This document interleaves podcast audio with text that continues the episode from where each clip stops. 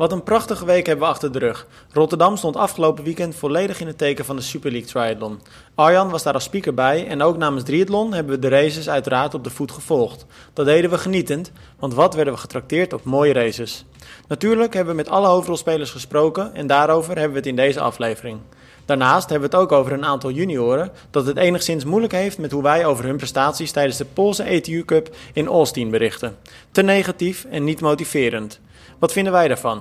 Tot slot kijken we natuurlijk naar Ironman Maastricht, want die race gaat door. Zij het in een heel ander jasje.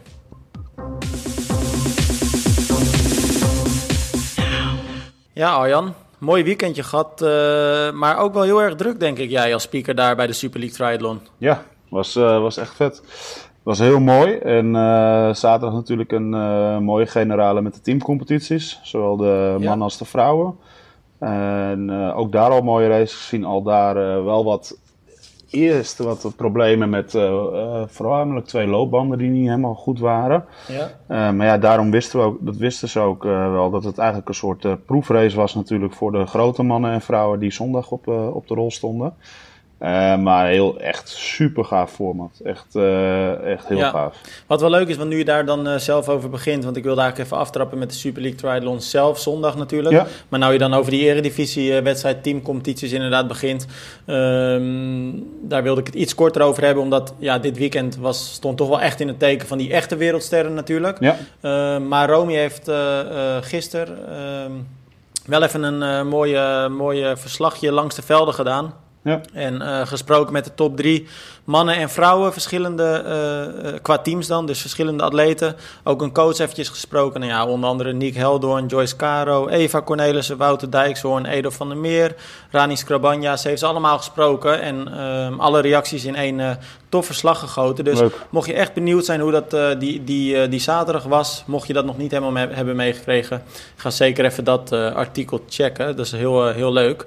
Um, maar Arjan, dan de zondag, want dat was wel echt de dag dat het gebeurde, hè? Ja, zondag het uh, startte voor mij uh, heel vroeg. Ik uh, moest er vroeg zijn, briefing. En ja, het is echt wel tot in de puntjes, als je er achter de schermen ook rondloopt, tot in de puntjes geregeld. Volgens mij waren de teamcamera's waren er aanwezig.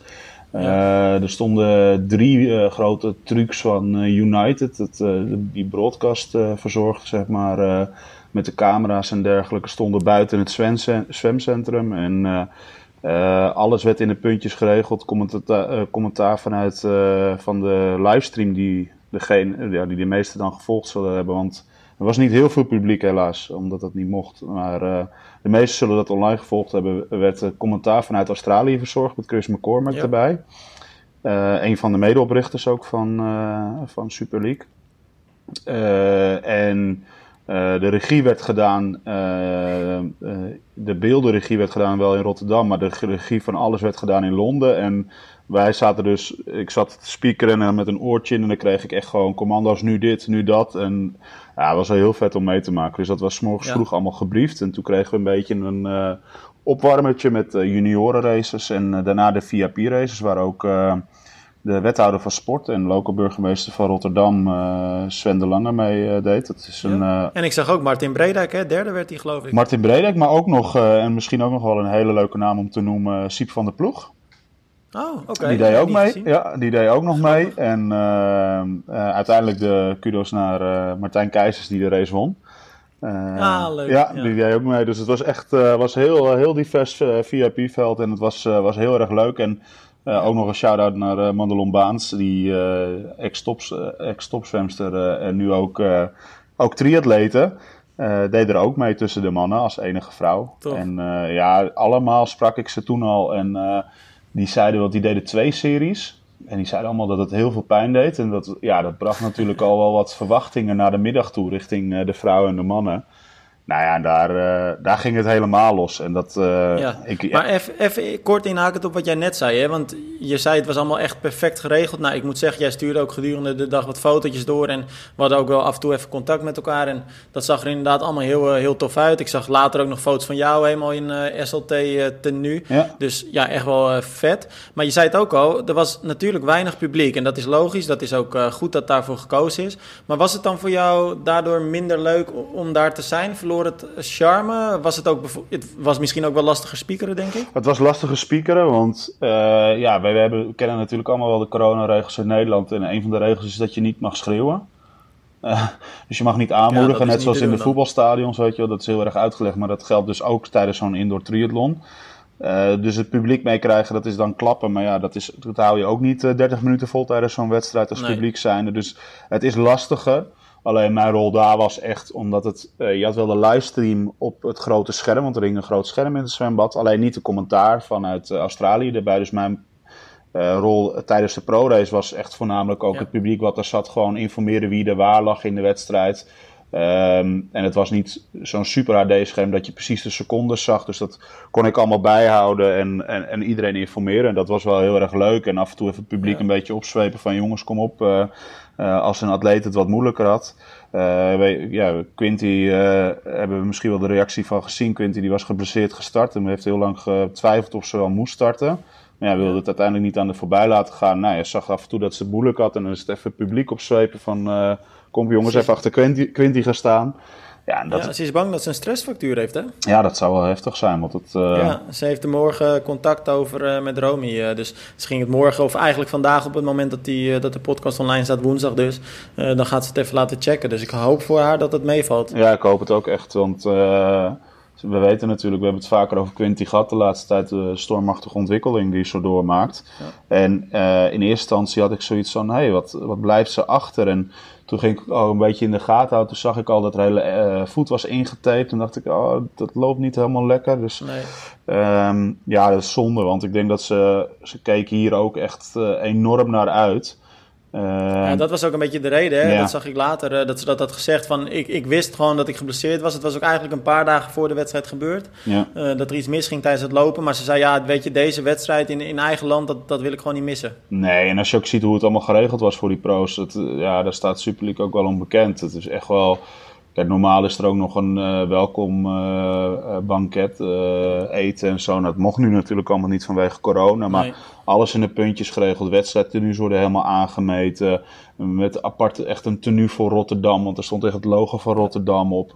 Ja, dat is echt Donald wel... die vergeleek zichzelf een beetje met een Power Ranger. Omdat iedereen natuurlijk een eigen kleur aan had. Ja, ja maar dat was wel heel vet. Want dat, ja, ik weet niet of dat goed te volgen was. Uh, ik heb stukjes van de stream teruggekeken en het zag er heel vet uit. Maar die kleuren die ze hadden, die waren ook gewoon, kwamen matchen met de kleuren die ze in Swift ja, hadden gewoon ook. Klopt. En dat was, dat was ook echt perfect. Want daardoor kon je als buitenstaander, dus als je niet in het stadion zat, kon je echt de race echt wel goed volgen. Ja, en dat was, ja, ik, dat soort details, dat doen het echt. En dan denk je van, dat is wel simpel. Maar dat is, ja, dat is zoveel werk zit, zit daarin. En dat is echt zo goed op elkaar allemaal aangesloten. En ik, ja, ik, ik ben echt heel enthousiast over dit format. Ja. Uh, en uh, wat ik van Super Ja, want ze deden een triple mix. Hè? Ik, ik, ik zeg ja. er toch maar eventjes bij, want ik denk eigenlijk dat iedereen het inmiddels wel gezien heeft. Maar mocht, uh, mochten er toch luisteraars zijn die het misschien niet gezien hebben. Ze deden dus een triple mix en dat houdt eigenlijk in drie hele korte triathlons. Uh, 200 meter zwemmen, 4 kilometer fietsen en 1 kilometer hardlopen. Ja. En dat dan drie keer in een, uh, ja, willeke- of in, in een andere volgorde. Hè? En ja, dan een korte ze begonnen met zwemmen, fietsen, lopen. Toen fietsen, lopen, zwemmen. En toen lopen, zwemmen, fietsen. Zwemmen, fietsen, ja. ja en um, er was gewoon een starttijd uh, voor de volgende heat. Dus als jij een minuut voor die starttijd finishte met je vorige heat, had je, uh, met die, van die vorige heat, dan had je een minuut pauze. Finishte je ja. drie minuten ervoor, had je drie minuten pauze. Uh, en finishte je te laat, gelukkig bij geen 1 pro gebeurd, uh, dan mocht je niet meer starten met de volgende hit. Um, maar dat was omdat, ja, dat heeft heel veel um, technische uh, achtergrond. Want Swift, je moet de Swift race op een bepaald moment laten starten. Uh, dus dat is allemaal ingeregeld. Dat is allemaal van tevoren uitgerekend. En ja, dat kwam uiteindelijk weer tot de. Want er was uh, gerekend met gemiddeld twee minuten pauze tussen elke heat. Nou, -hmm. en de winnaar had zo'n 2,5 minuut. En de, ja, de nummer, degene die laatste werd, had zo 1 minuut 45 uh, steeds pauze. Dus ja. het klopte ook gewoon allemaal precies. Het was echt super ja. om te zien. Nou ja, ik moet heel eerlijk zeggen, want nou ja, jullie hadden het er natuurlijk uh, vorige week in de podcast ook al over. En uh, wij hebben het er ook onderling nog wel uh, wat, wat vaker met elkaar over gehad. En ook op de dag zelf, toen zat, zat ik nog een beetje zo te kijken van... nou oké, okay, dit en dit is het format, dit, dit gaat er gebeuren. en eerlijk gezegd hield ik toen mijn hart vast, want ik dacht... hoe gaan ze dit in vredesnaam goed in beeld brengen? En hoe gaan ze er misschien nog wel belangrijker voor zorgen dat het ook spannend in beeld wordt gebracht? En oké, Super League Triathlon staat er natuurlijk bekend omdat ze dat eigenlijk altijd goed doen. Uh, maar dit is toch wel eventjes uh, wat anders. Maar eigenlijk vanaf de eerste heat bij de vrouwen zat ik er goed in. Want nou ja, het zwemmen kon je natuurlijk sowieso goed volgen. Maar ook het fietsen en het lopen op Swift. Je kon echt perfect zien wie waar lag. Je kon de wattages zien. Je kon de verschillen uh, in seconden zien. Je kon de emoties op de gezichten van de atleten zelf zien. Want ja, dat werd ook Dat was mooi hè, met die, met die set-ins, uh, die beelden die erin gezet werden, zeg maar. Dat was ja, echt mooi. heel vet. Ja, dat was en ook gewoon tussentijds interviews nog, hè? Ja, en dat is echt gaaf, want uh, daar loopt dan gewoon iemand rond inderdaad met de camera en dan wordt er gewoon even een interview gedaan. We hebben, ik heb dat wel eens eerder gezien, een van de eerste wedstrijden in Jersey was dat volgens mij. Um, fietste Robbie McEwen mee met de camera op zijn helm uh, tijdens de race gewoon. En dan deed hij ook nog mhm. gewoon nog eventjes interviews tussendoor. maar ja, daar staan ze wel bekend om. Het is innovatief. Uh, en daarom hebben ze dit ook met beide handen. Ik heb, uh, wel even, ja, ik heb best wel wat gesproken met de jongens van Super League en uh, dames van Super League. En daarom hebben ze dit ook wel met beide aan, handen aangegrepen. Omdat het, dit is ook weer een stukje innovatief waar Super League voor staat. en ze wilden dit proberen. En wat jij zei van ja, het is spannend, hoe wordt het allemaal in beeld gebracht, is dat goed? Nou, zo zaten hun er ook echt in hoor. Van, want ze hadden alles doorgesproken. Ze hadden alles al uh, uh, tien keer doorgenomen. Maar toch zaten ze, ja, komt, kunnen we dit goed overbrengen? Weet je, kan het gewoon? En het, ja, dat, uiteindelijk blijkt dat wel. En uh, wat ik zelfs hoorde is, want ja, stel voor dat Swift, de connectie met Swift ermee uitschee. of dat, dat ze technische malheur hadden met, met, met de loopband. dan stond er, er was er echt een plan B en een plan C. Want ze hadden gewoon bij in, in iets van 20 landen werd het live op tv uitgezonden op verschillende kanalen. Van Fox ja. Sports nou. tot aan weet ik veel wat. En dan werd, zou er gewoon een samenvatting van uh, de Jersey Super League uitgezonden worden. Als het echt helemaal misging. Dus weet je, het is echt, ja, er zit zoveel werk achter. En het lijkt allemaal vrij makkelijk als je dat als buitenstaander ziet zo op, op zo'n livestream. Maar het is uh, ja, heel, veel, uh, ja, heel veel respect voor die mannen en vrouwen die dat zo hebben neergezet. Ja, nou en dan eventjes naar de, naar de uitslagen, want die zijn natuurlijk ook uh, uh, niet op de laatste plaats belangrijk. Ja. Jessica Leermond, de Britse. Nou ja, Arjan, dat was, uh, dat was eigenlijk vrij snel duidelijk. Hè? Die was ongenaakbaar. Stond geen maat op, echt geen maat. Niet normaal, hè? Echt eigenlijk, ik denk dat ze lopend, fietsend en zwemmend de sterkste was. Gewoon dan natuurlijk, ze won de drie heats, won ze. Dus alle drie de, de heats won ze van de triple mix. Maar ze was ook gewoon overal het sterkste. Eh, er, was gewoon, er stond gewoon geen maat op, voormalig topzwemster. Liet ze ook zien in het zwembad, maar ook op het loopniveau, jongen, was zo goed. Het was echt, oh, ja, ja, die... ja was, echt, uh, was echt sterk. En ze sprak ook na de wedstrijd van, uh, ja, gewoon heel tof dat er eindelijk weer gereisd kon worden en uh, genoten van het format. Iemand die dat ook deed is uh, Rachel Klamer, denk ik. Ik heb haar niet uh, gesproken, maar ik denk wel dat ze toch wel uh, genoten heeft. Want ze werd knap tweede. Ja. En ehm, nou ja, die prestatie is natuurlijk sowieso al knap genoeg. Maar veel mensen weten misschien ook wel dat Rachel natuurlijk een moeilijke tijd achter de rug heeft. Heeft haar moeder onlangs verloren aan een, aan een ziekte. Ja. Ehm, dus dat je dan alweer zo snel zo sterk bent, dat vind ik ook bewonderenswaardig. Ja, Rachel, die, die, in eerste instantie dacht ik, oh, die gaat het moeilijk krijgen, hè, de eerste heat. Want Ma ja. Maya, die som bijvoorbeeld in de eerste heat heel goed mee, kwam als tweede uit water. dacht ik, oh, die is sterk. Uh, Maar ja, je ziet ook wel dat Rachel een beetje su Super League ervaring heeft. En uh, dat ze weet dat het niet in de eerste heat beslist gaat worden. Dat het uiteindelijk eigenlijk pas om die derde heat gaat waar je weer veel punten kan pakken. Um, en dat deed ze heel goed. Ze was heel constant. Wel, de eerste heat volgens mij vijfde uit mijn hoofd. Dus toen dacht ik, ja, was moi moi. En uiteindelijk pakt ze toch die tweede plaats. Omdat ze precies gewoon goed weet hoe ze het moet doen. En het hele mooie was ja. is dat zij als allereerste ervoor koos om met blote voeten te lopen. Dat is denk ik niet in de uitzending geweest. Ja. Ja, ik heb het later had ik het wel gezien inderdaad. Ja, dus we wisten, bij de mannen gebeurde het meer. Uh, er was de winnaar die de eerste twee heats won, uh, Schomburg, die, uh, deed, die ging met blote voeten de, op, de, op de loopband.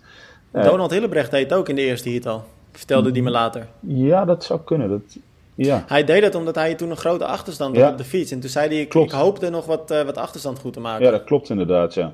En, uh, maar Rachel deed het als allereerste. En uh, uh, dat was een beetje al duidelijk tijdens de junioren, of tijdens de VIP-race, dat ze dat ging doen. Want ze was toen al bij het, een warm-up area en daar was ze al aan het oefenen op blote voeten. en Schomburg die was dat ook al aan het doen toen. toen was het al duidelijk dat sommige atleten zouden kiezen om op bepaalde onderdelen met blote voeten te lopen.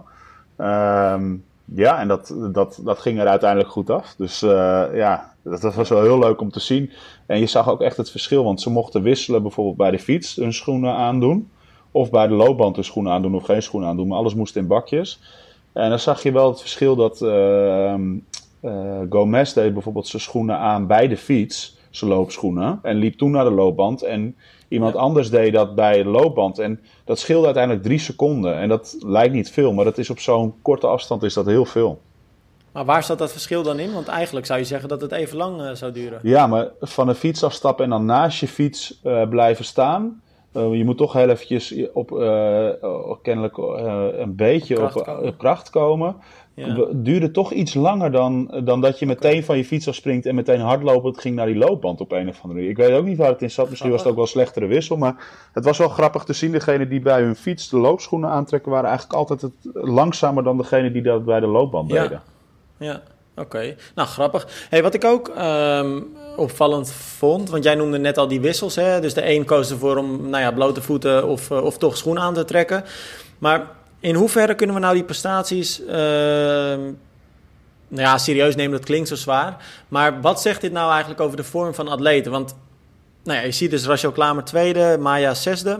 Maar ik zag dat Maya bijvoorbeeld een berichtje op Facebook ergens had gezet, geloof ik. En die zei. Uh, ook totaal niet als excuus hoor, laat het duidelijk zijn. Maar die zei eigenlijk kon je hier op Swift het verschil op de fiets niet maken. En dat kwam dan door dat dubbeldrafting. Ja. Hè? Dus dubbeldrafting is eigenlijk een extra groot voordeel van steren. En dat ja. is nou ja, iets dat Swift als een soort van vervanging doet voor het buitensteden. En nou ja, weet je, wij hebben allebei ook wel eens uh, regelmatig uh, op Swift gezeten. En je merkt inderdaad, als je in zo'n groep zit, kom je eigenlijk niet weg, hoe sterk je ook bent. En je zag het, je zag het ook bijvoorbeeld bij Donald Hillebrecht in die eerste heat, die in zijn eentje achter de groep kwam te zitten en al heel snel van vijf seconden naar, ik geloof, een kleine minuut achterstand ging.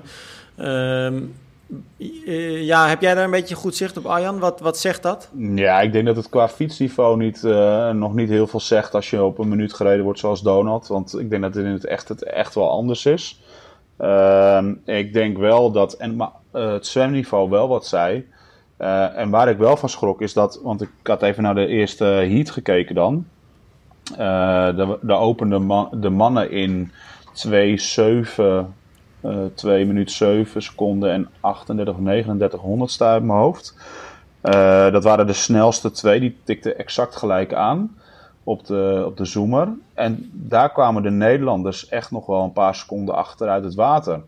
Ja, en dat is wel het niveau wat je moet hebben volgens mij. Wil je op WTS-niveau uh, wil je meekomen in die eerste groep. Dan moet je gewoon die eerste 200 gewoon in 2,5 kunnen zwemmen.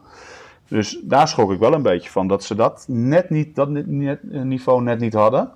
Uh, ja. Alleen ook de, dit weer, dit is een zwembad in een eigen baan. Het is niet te vergelijken met een triathlon. Waar je waar we allemaal weten, waar we het al vaker over gehad hebben. Als je daar net op een seconde, twee seconden gezommen wordt in de eerste 100 meter, kan je nog in iemands voeten mee. Is dat toch weer, weer iets makkelijker. Dus het zegt wel iets, nou ja, maar het zegt niet alles. Een Donald, want, want ja, sorry dat ik je onderbreek. Maar bijvoorbeeld een Donald, die zei ook, hè, want wij hebben hem uitvoerig gesproken. Het interview kun je online zien.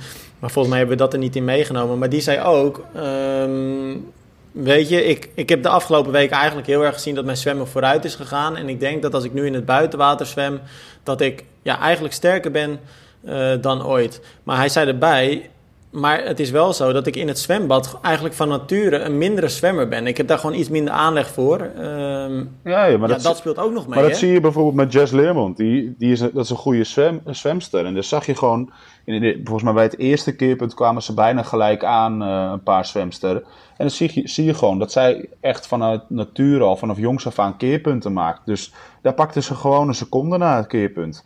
Ja en, ja. en dat is echt wel een verschil. Dat, je kan het dus heel moeilijk vergelijken. Ik denk wel dat het wel iets zegt over de niveaus. Alleen ik denk dat als je dit, dezelfde afstanden nu buiten zou doen, dat het toch een andere uitslag met zich meebrengt. Want ook zo'n loopband, nou, ik heb het zelf geprobeerd zaterdagavond op zo'n loopband. Want het is niet aangedreven. Hè? Dus het is een, mm. een airrunner, zoals ze dat noemen. Het is een partij moeilijk. Hartslag gaat ook automatisch hoger, hè? Als ik later in een wetenschappelijk artikel. Ja, klopt. Ah, je hartslag is automatisch 20 tot 25 slagen hoger. En dat is echt niet... Dat is, dat is, veel, hoor. Echt veel. Um, ja, dus ik, ik, ik, ik heb het geprobeerd, maar ik kon er niet op blijven staan bijna, Tim. Ik kon, ik kon er nauwelijks 200 meter op lopen. Ik zweer dat je... Maar loopt het ook niet lekker? Het loopt best lekker, alleen omdat je... Uh, het is een beetje gecurved loopband. En ik ging lopen en ik denk, ik doe rustig tempo. Ik ging steeds harder, harder, harder, harder. En op een gegeven moment kon ik mijn eigen benen niet meer bijbenen. Ja. Is... ja. volgens mij was het Donald die dat ook zei. Want ja, nu zeg ik steeds Donald, maar ja, dat is nou helemaal zo. Volgens mij zei Donald namelijk tegen mij: Het lijkt net alsof je iedere stap eigenlijk bergopwaarts uh, landt, maar bergafwaarts afzet. Ja, klopt ja. ja daar lijkt het op inderdaad. En het is heel moeilijk om die, althans dat vond ik, om die controle te houden over het apparaat. Dat je niet oh, uh, steeds harder ging. Want dat is het makkelijke eigenlijk aan. Je wilt eigenlijk steeds harder gaan, omdat het best makkelijk loopt. Maar op een gegeven moment kan je hele lichaam dat niet eens meer bijbenen. Nee. Althans bij mij. En dat vond ik wel heel apart. En uh, ja, het, het, nogmaals, het is, het is gewoon vet dat er weer even gereisd kon worden. En zeker op zo'n hoog niveau. Vergeet niet, we, hebben, we hadden gewoon in Rotterdam een vijfvoudig wereldkampioen aan de stad staan. Javier Gomez en twee, tweevoudig medaille, Olympisch medaillewinnaar. Johnny Brownlee stond er aan de start. Nou, het zijn niet de minste namen die er gewoon stonden. Nee, nee, wat dat betreft hadden, pardon, hadden de Nederlandse mannen het ook wel zwaar. Hè? Want ze werden negende en, en tiende. Ja. Uh, zijn ze natuurlijk niet helemaal tevreden mee. Aan de andere kant, Donald zei in zijn interview ook van... Nou ja, eigenlijk, weet je, dat startveld is zo sterk ik wist gewoon, het zou, het zou zomaar kunnen zijn dat het negen sterke mannen zijn en één klein jongetje uit Hillegom. Uh, hij komt uit Hillegom dus. Uh, maar hij zegt, gelukkig kon dat kleine jongetje uit Hillegom toch nog iets, uh, iets ja, rol van betekenis spelen. En ook Marco van der Stel, tiende, die gaf na afloop aan... Ja, weet je, tuurlijk kom je niet voor een tiende plaats. Aan de andere kant, ehm, ik heb weer wat ervaring opgedaan. Ik heb een race gedaan. Ik heb ook, hoe gek het misschien ook klinkt, voor mezelf gezien... waar ik de afgelopen weken ben, ben verbeterd. En weet je, we wachten gewoon twee weken, want dan is uh, natuurlijk de belangrijke wedstrijd in Hamburg, waar ook de mixed relay uh, weer op, de start sta op het programma staat. En dan gaan we zien wat echt onze vorm is. Ja. Uh, nou ja, laten we dat dan inderdaad maar doen, toch? Arjan, dan zien we het wel over twee weken. Ik ben ja, daar ben, ben, ik het helemaal mee eens. En dat zien we, gaan we zeker zien wat dan de vormen zijn. En als ik dan nog één hoogtepunt voor mij, zeg maar, de, de verrassing, als ik de, daarover mag spreken, van het weekend mag spreken uh, en dat is iemand die we denk ik echt in de gaten moeten gaan houden, is uh, Vasco Vilaccia, de Portugees. Ja, ik kende hem eigenlijk nauwelijks. Nou, ik kende hem ook niet. Ik, ik sprak dat uit uh, zaterdag volgens mij al, want zaterdag race de, de teamcompetities al met de naam op Swift van, van de pro's. Mm -hmm. En toen zei Nieke Heldor, nee, dat moet je zo uitspreken. Ja, Oké, okay, top, dankjewel. nou, dat was wel mooi natuurlijk.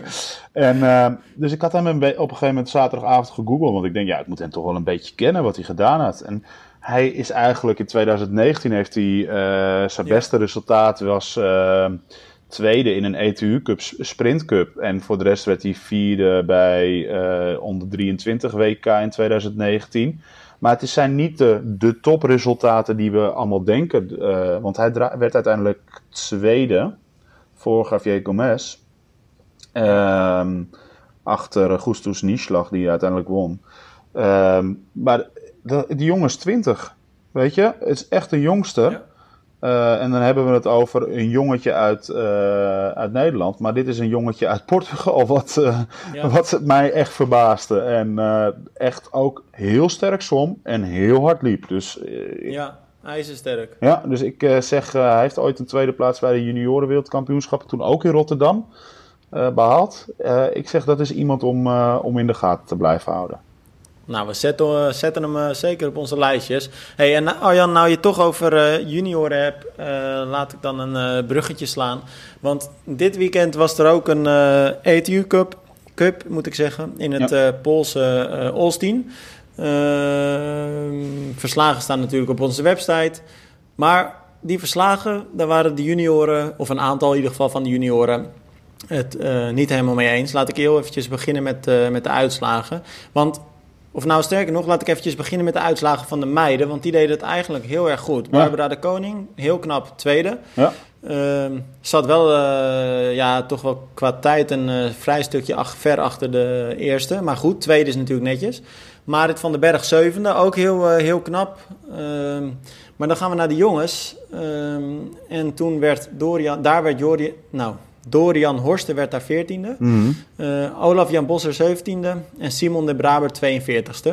Ter vergelijking, er deden 44 mensen mee. Uh, en daar schreef een artikel over. Um, en daar, uh, de titel daarvan was uh, dat deze drie junioren uh, buiten het zicht van de top 10 gefinished waren. Ik weet hem even letterlijk niet, maar daar kwam het op neer. Ja. En er stond, ook er stond in ieder geval letterlijk buiten de top 10.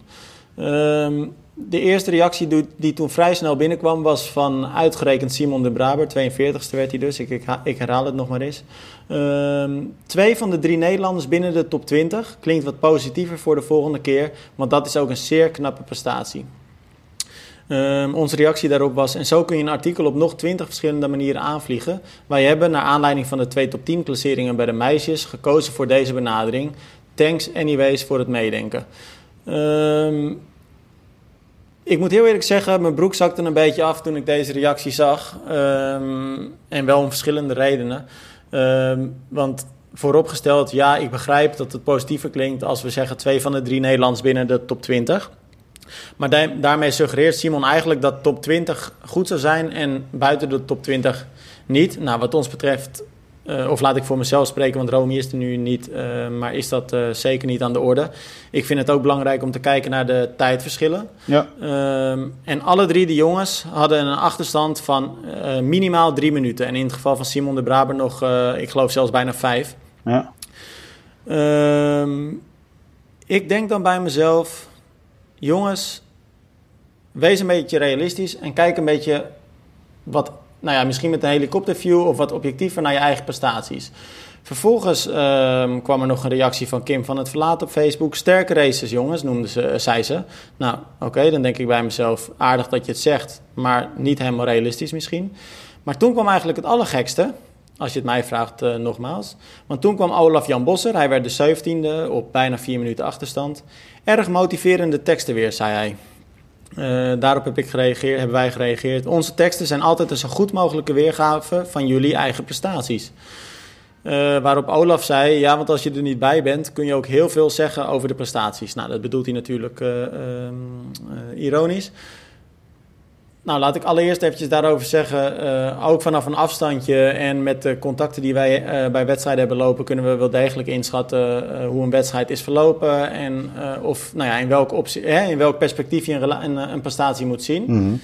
Maar wat me daar nog het meest aan verbaast, is dat Olaf Jan dus blijkbaar denkt dat onze teksten zijn bedoeld om hem te motiveren. Want hij vindt blijkbaar de tekst niet motiverend genoeg. Wat, wat vind jij ervan, Arjan?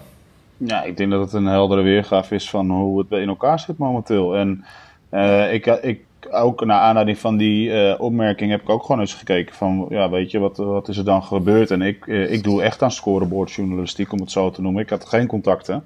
Dus ik heb gewoon, gewoon naar de cijfers gekeken. En natuurlijk, een race kan je niet altijd bij de cijfers beoordelen, want er kan van alles gebeuren. Je weet niet hoe dat zit, maar het zegt mij wel genoeg als jij ruim een minuut verliest als gewoon alle Nederlanders bij het zwemmen, ja, dan is het gewoon niet goed genoeg. En dan, dan, dan kunnen we er heel lang over discussiëren. Ik heb ook ETU Cups gedaan en dan werd ik ook 30ste, 35ste, 40ste van de 50. En dat was ook niet goed genoeg bij mezelf. Uh, alleen... Arjan, hoe komt het dat het 5 tot 10 tot misschien wel 15 jaar terug, dat, dat het een soort van heel normaal was om dan gewoon zelf ook in te zien dat dat niet goed genoeg was. En hoe komt het dat junioren, en laat ik, laat ik zeker niet generaliseren, want er zijn ook een heleboel junioren uh, uh, die dat wel gewoon eerlijk van zichzelf kunnen zeggen. Eh, bijvoorbeeld Dorian Horsten, die dus hier de, de snelste uh, Nederlandse jongen bleek. We hebben hem geïnterviewd, dat interview staat inmiddels ook online. Ja. Um, die zei ook van zichzelf, ja, veertiende, maar ik ben eigenlijk niet helemaal tevreden. Um, Laat ik overigens nog heel even een kanttekening maken. Dat vind ik toch belangrijk om uh, gezegd te hebben. Want kijk, bij triathlon hebben we natuurlijk nooit de intentie om, om iemands prestaties uh, weg te zetten als slecht of als, of als negatief af te doen. Totaal niet. We zouden het alleen maar tof vinden als Nederlanders natuurlijk goed presteren. En uh, we zijn ook echt niet te beroerd positieve verhalen te schrijven. En check gewoon vooral eens onze site, want het staat er vol mee. Maar het is natuurlijk wel zo dat wij gewoon een objectief medium uh, zijn. En soms is dat wat lastiger, zeker als je over Nederlanders schrijft. Want ik denk dat ik mezelf recht in de spiegel kan aankijken als ik zeg dat, het, uh, dat ik eerder te positief schrijf over Nederlanders dan te negatief. Um, maar weet je, als je als junior buiten, ver buiten een top 10 valt en dan ook nog minuten achterstand hebt, ja. dan, dan, dan kom je veel tekort, Arjan. Ja, komen ze in dit veld nu ook. Althans in deze wedstrijd wel. En kijk, er is van alles voor te zeggen. Ik, uh, ik ben het mee eens. Het is uh, als, als ik gewoon naar mezelf kijk en ik kijk naar de cijfers, dan, uh, dan ja, ik weet niet hoe een wedstrijd is gegaan. Ik weet niet wat, er, wat er precies gebeurd is. Alleen als ik gewoon zie waar je uit het water komt, en dat zeg maar al genoeg, hè. Ja. want daar, daar, daar met, laten we vooropstellen, met zwemmen kan je de race niet winnen, maar kan je alleen maar verliezen. En alle Nederlanders hebben met het zwemmen de race al verloren. Die komen op een minuut en tien, een minuut en vijf, een minuut en acht komen ze uit het water. Ja, op 750 meter is dat veel. Dat betekent gewoon dat je, uh, dat je zo'n uh, eh, 8 seconden per 100 meter verliest. En dat is heel veel. Oh ja, als je dus vervolgens dan na zo'n race, dan kom, komt, nou ja, ik, ik, ik, gebruik dan Olaf Jan maar als voorbeeld. Die komt dan blijkbaar over de finish. Dan kijkt hij naar de tijden, maar dan ziet hij zichzelf dus genoodzaakt zo'n reactie bij ons te plaatsen ik denk dan bij mezelf, kun je niet beter uh, bezig zijn met gewoon naar jezelf kijken en zorgen dat je, dat je stappen gaat maken om die aansluiting te houden? Ja, uh, kijk, weet je, wat, wat, ik kan niet oordelen wat daar gebeurt en wat hij denkt. Alleen, ik heb ook in die posities gezeten, zoals deze junioren hebben gezeten en ook meegemaakt. al was mijn zwemmen dan wel goed genoeg meestal, want dan zal ik wel in de kopgroep dat even gezegd hebben. Uh, verloor ik het alleen altijd met het lopen. Wat ze overigens nu ook deden. Volgens mij verloor uh, Dorian verloor twee minuten en Olaf-Jan Bossen verloor ruim twee, twee minuten op, de, snelste lopen. Nou, dat waren tijden die ik ook ongeveer verloor op, op de snelste loper altijd. alleen werd je dan in de tijd, weet je, met een ETU Cup, als je in de kopgroep zat en op twee minuten gelopen werd, werd je ook gewoon veertigste. Uh, en nu uh, kan je daar uh, in deze tijden in ieder geval nog best wel een redelijke klassering mee. 14e plek.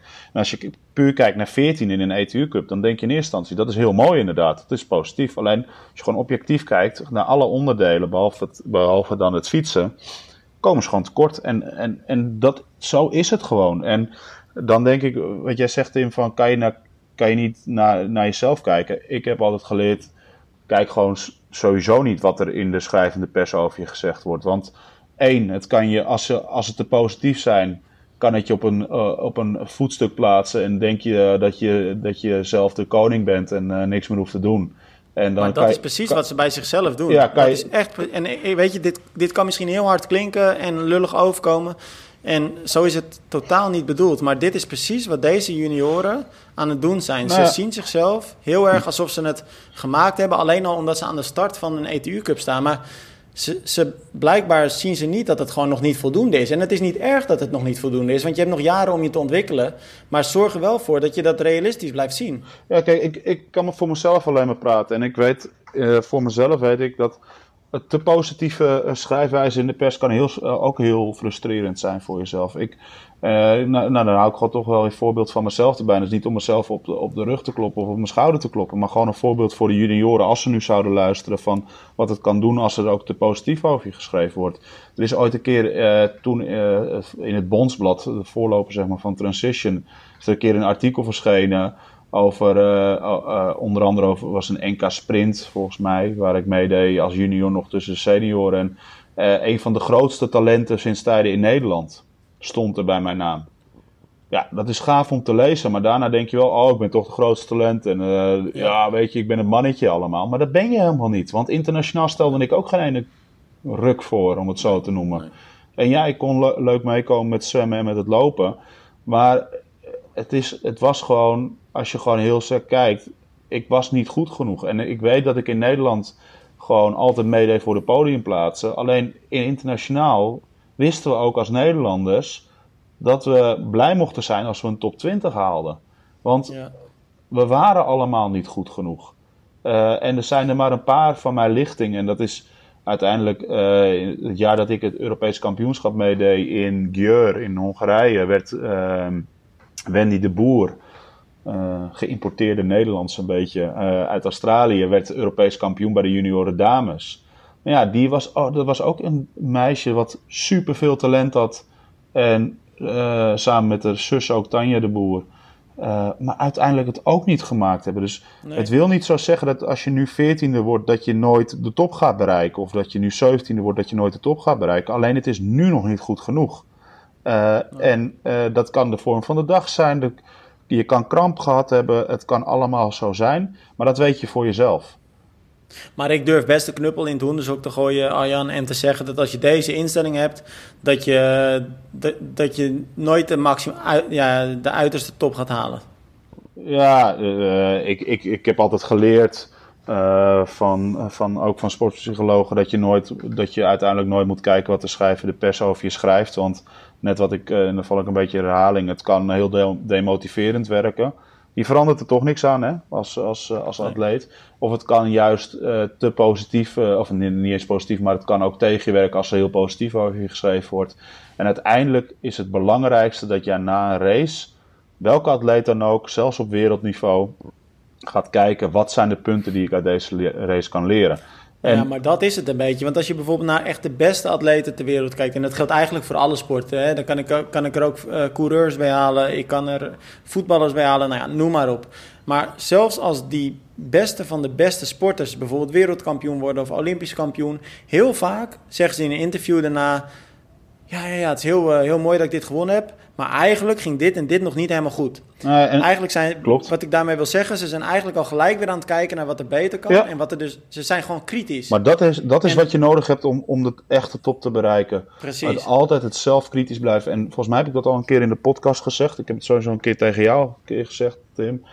Wat ik mis bij Nederlandse sporters, en niet alleen bij Nederlandse triatleten, maar dat is gewoon over het algemeen bij Nederlandse sporters, is, uh, uh, is een, een instelling van uh, uh, bijvoorbeeld een judoka uh, Henk Grol, die gewoon ja. boos wordt als die tweede wordt omdat hij Precies. zegt van hiervoor ben ik niet gekomen. En dan vallen we met heel Nederland over hem heen van je moet toch blij zijn met je tweede plaats.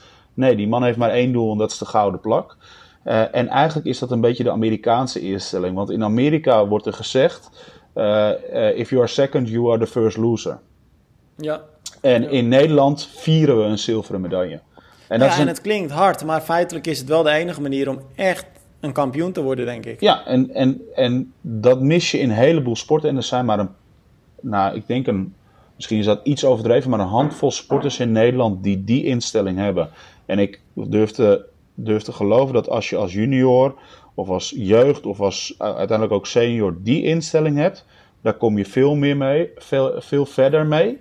Misschien win je die gouden plak niet, maar je komt er veel verder mee dan dat je de instelling hebt van, oh ga ik eens kijken hoe er over me geschreven wordt. Dus echt, ga gewoon op jezelf focussen. En dat geldt niet alleen voor de Nederlandse triatleten, dat geldt voor een heleboel sporters, want dat is een beetje het, ja, kloten wat, ja, excuus voor mijn taal, maar kloten wat er gebeurt in Nederland. Ze hebben ook, uh, een heleboel junioren in allerlei sporten hebben ook het voorbeeld dat er altijd maar uh, gezeikt wordt op de pers. Het is altijd niet goed hoe er geschreven wordt. En je ziet het niet alleen uh, nu, je ziet het ook in een heleboel andere sporten dat er gezegd wordt: ja, maar kunnen jullie nooit niet eens wat anders uh, erover schrijven? Want ja. dit is weer het negatieve manier van aanvliegen. Daar gaat het niet om. Het, de focus moet bij jezelf liggen. En dat is echt waar je, waar je nog ve veel meer stappen mee gaat bereiken dan dat je een artikel gaat teruglezen en denkt: ah shit, die klote Tim Moria heeft weer echt een kut artikel online gezet. Uh, nee, maar ja, dat is wel hoe het is, Tim. Je kan het denken en je mag het denken en je moet het daarna meteen naast, naast je neerleggen. En je, wil, je moet er als sporter niet eens energie aan willen verspelen. Maar als je, en, en dan wil ik er toch nog eventjes aan toevoegen, omdat jij hem nu ook echt zo persoonlijk maakt. Um, weet je, ik, al die gasten die zijn me om het even en ik gun ze al het succes van de wereld. Maar als je zo denkt, als je dus blijkbaar zo denkt van die klote Timoria, schrijf niet van die klootartikelen. Um, stop dan in vredesnaam ook met uitspraken doen dat je hoopt dat je de Olympische Spelen over acht jaar gaat winnen. Of dat je wereldkampioen wil worden. Want echt waar, als je dat soort uitspraken doet, dan uh, moet je ook kunnen incasseren. En dan moet je ook kunnen verwachten dat als je een keer vijftiende wordt op vier minuten achterstand of zeventiende, uh, dat, dat dat niet als heel positief wordt omschreven. Zo simpel is het uiteindelijk, toch? Het is de hele tijd van de dag. En uh, okay. Uh, weet je, en, dit was een voorbeeld, uh, niet om jou in de grond te stappen, maar ik weet ook, nee, dat, ik. weet ook dat als, als, als een van die jongens tweede was geworden, net zoals Barbara de Koning, dat er staat Olaf Jan Bosser ijzersterk tweede.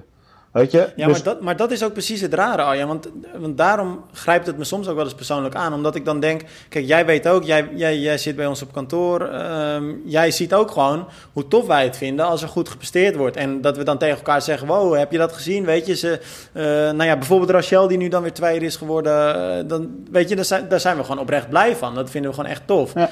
En dan maar ik, ja, ik denk... Ik en, en, en, plaatsen. Ik, ik, ik, ik gaf het net als voorbeeld als een atleet dat zo denkt.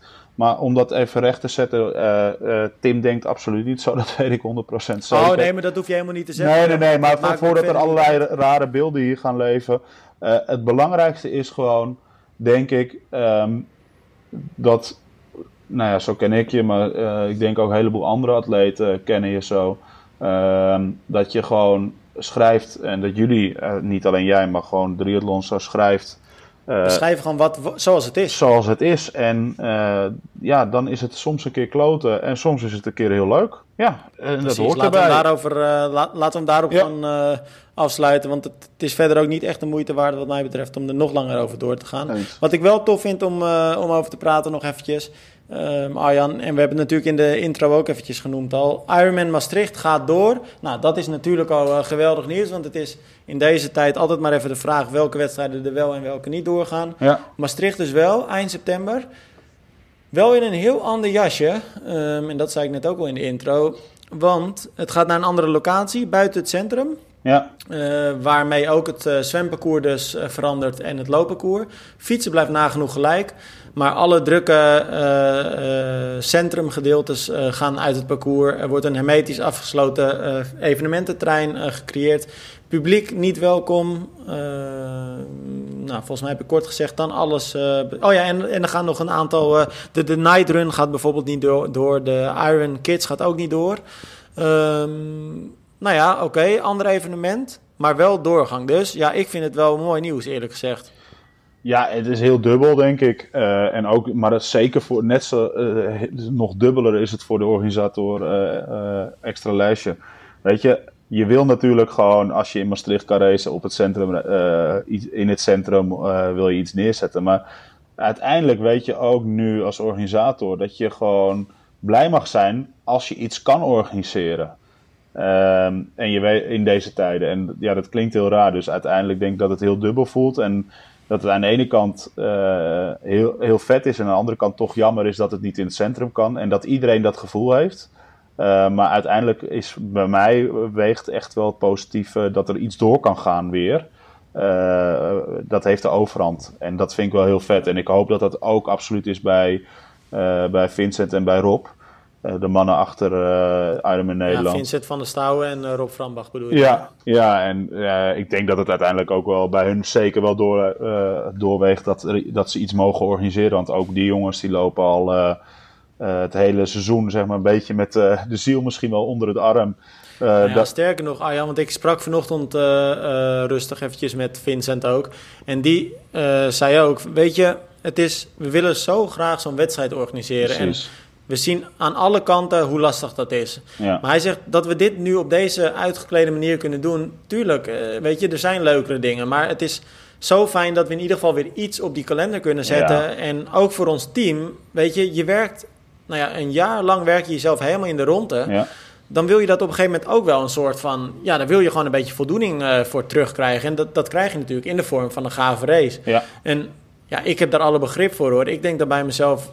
Eens. Weet je, het is gewoon vet dat er gewoon weer gereisd gaat worden. En als je dan ook nu, weet je, het lijkt weer een beetje de goede kant op te gaan. We hebben nu natuurlijk dan Rotterdam achter de rug. Nou, dit weekend hebben we onder andere Duin natuurlijk in Almere. Je hebt Challenge Davos. Nou, een weekend, uh, het weekend daarna heb je dan uh, Hamburg uh, bijvoorbeeld. Ja. En er zit in ieder geval weer een beetje een opwaartse lijn in. Ja, echt heel vet. Dat is toch mooi?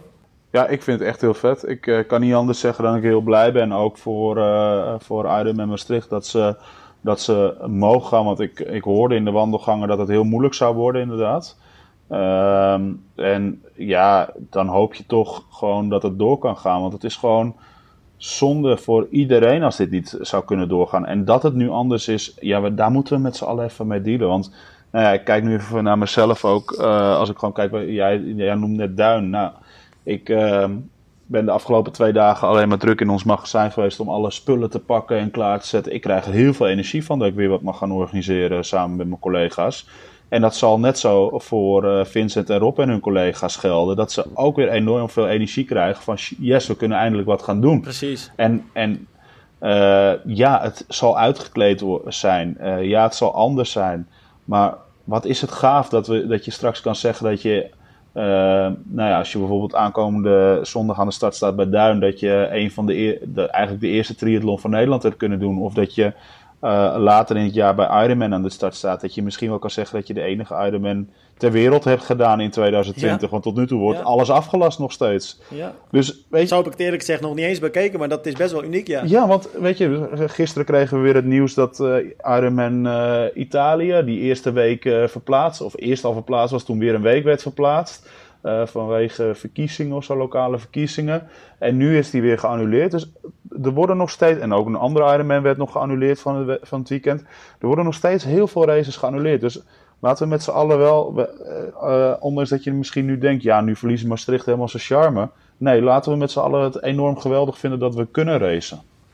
Ja, nou, helemaal, helemaal eens. En laten we hem daar ook mee afsluiten. Nou, trouwens, ik wil je eigenlijk nog iets zeggen, Arjan. Want blij om te racen dus. Ik ben ook blij, want ik ga, uh, ik ga ook echt live bij uh, Challenge Davos zijn. Ik ga daar uh, live verslag doen. Maar toen zat ik net eventjes bij het weerbericht. Ja, ik heb en dan je, moet je je dus voorstellen. Ik heb je, regen, ik heb je regenjas klaargelegd hier, want we hebben ook wat spullen voor regenjas, maar je mag ook graag er nog wat mutsen en handschoenen bij leggen. Want het wordt zo'n rotte 6, 7 graden. Ah, die heb ik hier niet, maar ik heb het net uh, afgestemd. inderdaad, er, er valt voor de mensen die niet weten, het wordt inderdaad koud, maar er valt ook zo'n 50 mm regen, is de voorspelling op, uh, op racedag. Ja, en dat in de bergen. Ja, laten we hopen dat het nog een beetje, uh, een beetje verandert. Maar dat zou dan wel weer zonde zijn, hè? dat je zo'n toffe race met zo'n tof startveld hebt en dat het dan een beetje, nou ja, letterlijk en figuurlijk in het water dreigt te lopen. Ja, we kunnen niet alles hebben. We hebben niet overal invloed op. En dat, dat weten we en sinds ik moet heel eerlijk jaar... zeggen, Sinds dit jaar weten we dat eigenlijk alleen maar meer, hè? Nee, maar dat is zeker waar. En ik moet heel eerlijk zeggen, uh, ik kijk er niet minder uh, naar uit hoor. Ik heb er echt wel uh, heel veel zin in. En nou ja, met een zijdelings oog ga ik zeker ook Duinen in de gaten houden. Daar doet Romy verslag. Dus die is daar ook bij. Leuk. En nou ja, Arjan, rest mij voor nu alleen te zeggen heel veel plezier dit weekend. Maak er een mooie race van. Ja, jij ook. En dan thanks. En dan gaan we volgende week zeker bespreken hoe het, hoe het was weer. Gaaf. Spreek je later. Oké, okay, tot later.